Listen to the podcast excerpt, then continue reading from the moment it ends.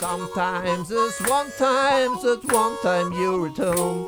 It's sometimes it's one times it's sometimes you return.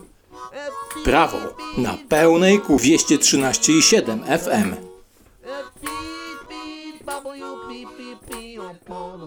Minęła godzina 20, w związku z czym w radiu Prawo na pełnej czas na audycje karne materialne. To poprowadzony z przymrużeniem oka program, w którym przedstawiam tajniki prawa karnego. Głęboko wierzę w to, że podstawowa wiedza z zakresu prawa karnego materialnego przyda się wszystkim, ponieważ wszyscy na co dzień z tym właśnie rodzajem prawa się spotykają. W dniu dzisiejszym zajmiemy się budową przepisów karnych i metodami ich wykładni. Na pierwszy rzut oka to temat dosyć mocno teoretyczny, ale prawda jest taka, że często wykorzystywano zarówno teorie dotyczące metody wykładni prawa, jak i samej budowy przepisów w praktyce.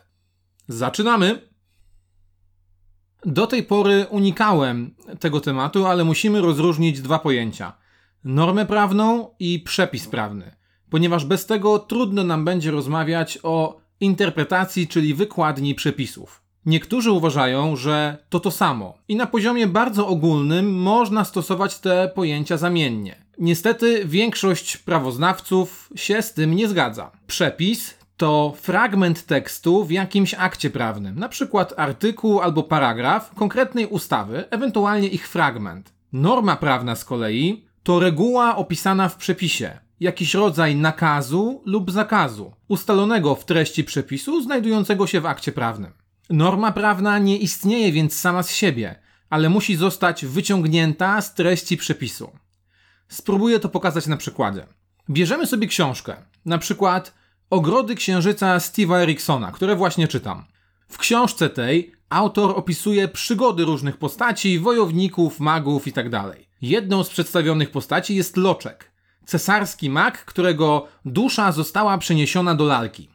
Narrator opisuje różne perypetie Loczka, które czytelnik może w różny sposób ocenić. Przeważnie dochodzi do wniosku, że Loczek jest szalony i złośliwy. Wnioski czytelnika są czymś podobnym do normy prawnej w tym sensie, że nie są wskazane zazwyczaj wprost, ale można je wyinterpretować na podstawie przedstawionego nam tekstu, czyli przepisu prawnego, który w naszym niedoskonałym przykładzie jest książką.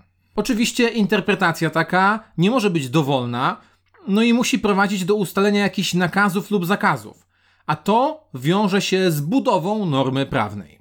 Budowa normy prawnej to w prawoznawstwie dosyć drażliwy temat.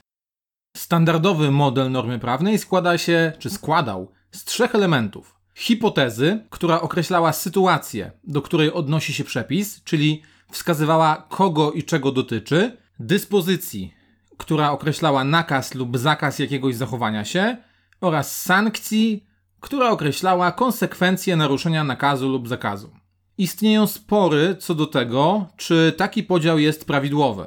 Wynikają one z tego, że nie wszystkie normy prawne mają jakąś sankcję. Niektóre nakazy lub zakazy są sprzężone z obowiązkami organów państwowych reagujących na naruszenia. Dlatego postuluje się zmianę modelu na taki, który uwzględnia istnienie związanych ze sobą norm sankcjonowanych i sankcjonujących. O nim opowiem później.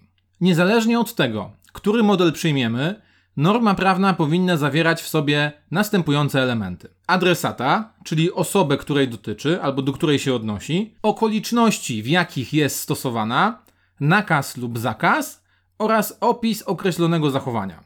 Przykład. Artykuł 14, paragraf 1 kodeksu karnego. Sąd wymierza karę za usiłowanie w granicach zagrożenia przewidzianego dla danego przestępstwa. Artykuł ten posiada wszystkie cztery przedstawione wcześniej elementy: adresata, którym jest sąd, okoliczności, wydawanie wyroku w sprawie, gdzie zachodzi usiłowanie popełnienia przestępstwa, nakaz lub zakaz. Sąd ma obowiązek przestrzegać opisanego zachowania i samo zachowanie, orzekanie kary w takich samych granicach jak za normalne popełnienie tego samego czynu, czyli adresat, okoliczności, nakaz lub zakaz i zachowanie. Oczywiście może się zdarzyć tak, że różne elementy danej normy są w różnych przepisach.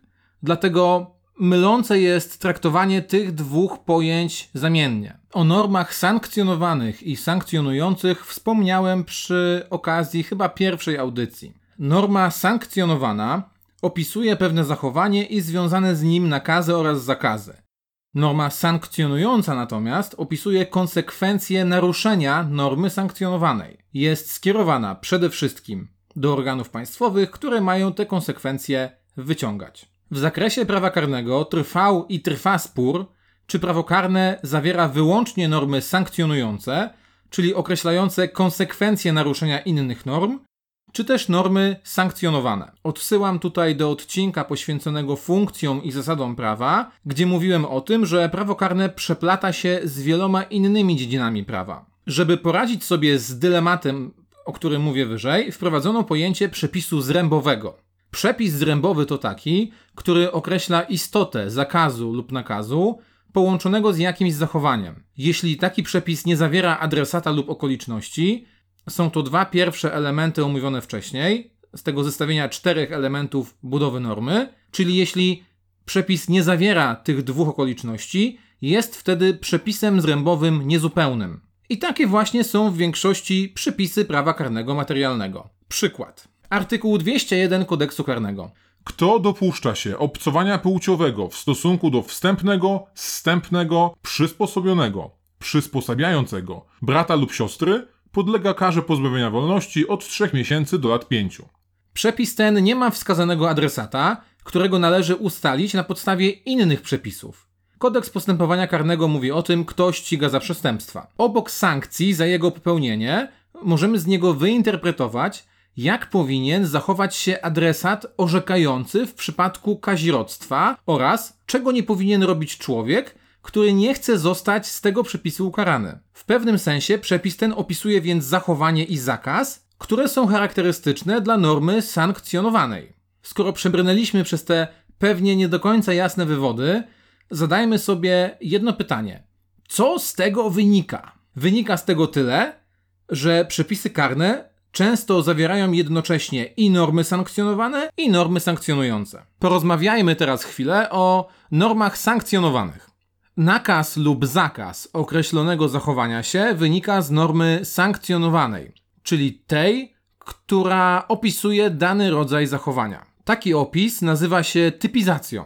Typizacja to umieszczenie w przepisie prawnym zestawu znamion czynu zabronionego, czyli takich okoliczności, które muszą wystąpić, byśmy w naszym przypadku mogli mówić o przestępstwie. Podstawowe rodzaje typizacji to albo użycie nazwy jakiegoś czynu, na przykład kto zabija człowieka, albo podanie cech charakterystycznych jakiegoś czynu. Na przykład, kto namową lub przez udzielenie pomocy doprowadza człowieka do targnięcia się na własne życie. Gdyby w tym drugim przypadku użyć pierwszego rodzaju typizacji, mówilibyśmy, kto namową lub przez udzielenie pomocy doprowadza człowieka do próby samobójczej. Dzielić typizację możemy na różne sposoby. Z uwagi na różny poziom szczegółowości, wtedy mówimy o ogólnej, syntetycznej lub kazuistycznej, albo na typizację prostą, gdzie jest jeden zestaw znamion, lub złożoną, gdzie tych zestawów znamion jest więcej. Jeśli opis czynu jest niepełny, przepis powinien odsyłać do innego przepisu tej samej ustawy.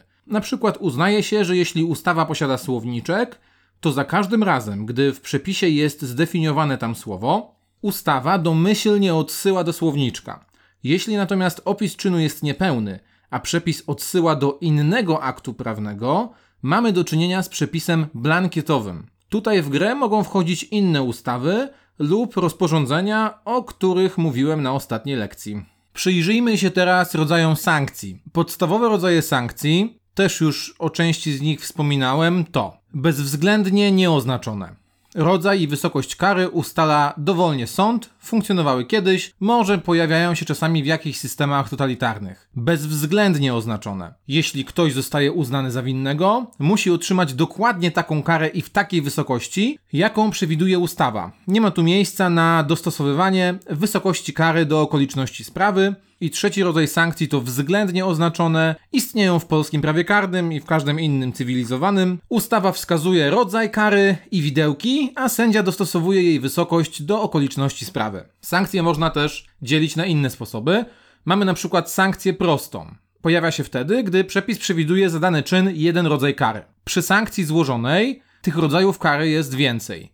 Sankcja alternatywna ma miejsce wtedy, gdy można wybrać tylko jedną z kilku kar. Sankcja kumulatywna polega na tym, że wymusza orzeczenie więcej niż jednego rodzaju kary. Na przykład przy przestępstwach narkotykowych często jest to pozbawienie wolności plus grzywna.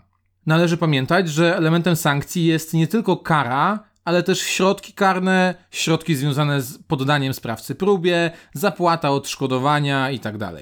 W ten sposób skończyliśmy część audycji poświęconej budowie przepisów i przechodzimy do wykładni przepisów karnych. Najpierw musimy sobie odpowiedzieć na pytanie, czym jest wykładnia. Jak wspominałem wcześniej, wykładnia to proces, dzięki któremu możemy z przepisów prawnych wyinterpretować normy prawne. Mało który przepis jest tak skonstruowany, że nie trzeba go interpretować. Prawo musi być dość ogólne, żeby w ogóle mogło działać. W drodze wykładni ustalamy zatem treść nakazu i zakazu, adresata, okoliczności oraz sankcje. Metody wykładni to chyba najważniejsze narzędzie w pracy prawnika i skandaliczne jest to, że wykładane są na pierwszym roku prawa, gdy znakomita większość studentów ma je absolutnie w dupie.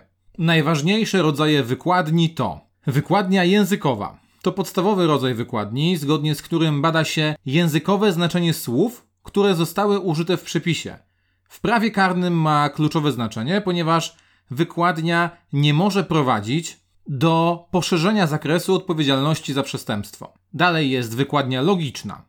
Interpretacja zgodna z regułami logiki, na przykład interpretacja sprzeciwieństwa, polegająca na tym, że jeśli przepis czegoś zakazuje, to tym samym dopuszcza coś przeciwnego. Mamy jeszcze wykładnię celowościową, czasami nazywaną funkcjonalną. To interpretacja polegająca na uwzględnieniu celu, dla którego dany przepis został wprowadzony. Istotne znaczenie ma tutaj przede wszystkim funkcja gwarancyjna prawa karnego, o której mówiłem wcześniej. Wykładnia systemowa to sposób wykładni uwzględniający miejsce danego przepisu w całym systemie prawa, w określonej dziedzinie lub w akcie prawnym oraz uwzględniający jego wzajemne powiązania z innymi przepisami. Mamy jeszcze wykładnię historyczną. To interpretacja uwzględniająca poprzednie brzmienia danego przepisu. Na przykład, jeśli z przepisu coś usunięto w drodze nowelizacji, wykładnia historyczna pozwala nam przyjąć, że w przypadku wątpliwości usunięta część w ogóle nie może wchodzić w grę. Warto jeszcze wspomnieć o wykładni prawno-porównawczej. To interpretacja bazująca na porównywaniu badanego przepisu lub normy z innymi systemami prawnymi. Najczęściej po prostu chodzi o porównanie z prawem innych krajów. Wykładnie możemy także podzielić ze względu na jej wynik. I tak mamy tutaj wykładnię dosłowną, której chyba nie trzeba tłumaczyć, wykładnię rozszerzającą, która rozszerza zakres normy poza treść przypisu, wykładnię ścieśniającą lub zawężającą, która zawęża zakres zastosowania przepisu i wykładnię przez analogię. Tutaj także dzielimy to na dwie kategorie. Analogia juris to uzupełnienie luki w prawie poprzez odwołanie się do zasad danej dziedziny prawa lub założeń konkretnej ustawy. Analogia legis natomiast to uzupełnienie luki w prawie poprzez odwołanie się do normy najbardziej zbliżonej do tej, jakiej potrzebujemy. Na przykład, jeśli coś jest nieuregulowane przy okazji odroczenia kary ograniczenia wolności, można sprawdzić, czy analogiczna regulacja znajduje się przy odroczeniu kary pozbawienia wolności. Należy przy tym pamiętać, że analogia nie może prowadzić do rozszerzenia karalności jakichś czynów. Wykładnie możemy także podzielić z uwagi na podmiot, który jej dokonuje. I tak mamy przede wszystkim wykładnię autentyczną. Dokonywana jest przez samego ustawodawcę, który tworzy na przykład definicje legalne. Najczęściej, ale nie tylko, umieszczane w słowniczkach w ustawach. Kodeks karny taki słowniczek zawiera w artykule 115. Wykładnia autentyczna ma charakter powszechny i nie powinno się jej kwestionować przy pomocy innych metod wykładni. Wykładnia legalna to wykładnia dokonywana przez właściwy do tego organ. Obecnie brak jest takiego organu w Polsce. To nie jest to samo, co badanie zgodności konkretnych przepisów z konstytucją, czym zajmuje się kiedyś Trybunał Konstytucyjny, a obecnie tak zwany Trybunał Konstytucyjny. Wykładnia sądowa to najważniejszy rodzaj wykładni z punktu widzenia normalnego, przeciętnego człowieka, ponieważ dotyczy go osobiście w sporach sądowych. Sąd Najwyższy ma czuwać nad jednolitością wykładni sądowej. Robi to przez rozpoznawanie środków nadzwyczajnych oraz wydając uchwały, które mają znaczenie dla wykładni prawa. Konkretnym uchwałom Sąd Najwyższy może nawet nadać moc tzw. Tak zasad prawnych. Jest także wykładnia naukowa, dokonywana przez naukowców, nie wiąże sądów, ale ma wpływ na treść ich orzeczeń, ponieważ sądy często na wykładnię naukową się powołują. Warto jeszcze wspomnieć o etapach wykładni. Najpierw mamy etap porządkujący. Polega na ustaleniu aktualnego brzmienia treści przepisu i zbadaniu, czy w ogóle ten przepis jeszcze obowiązuje.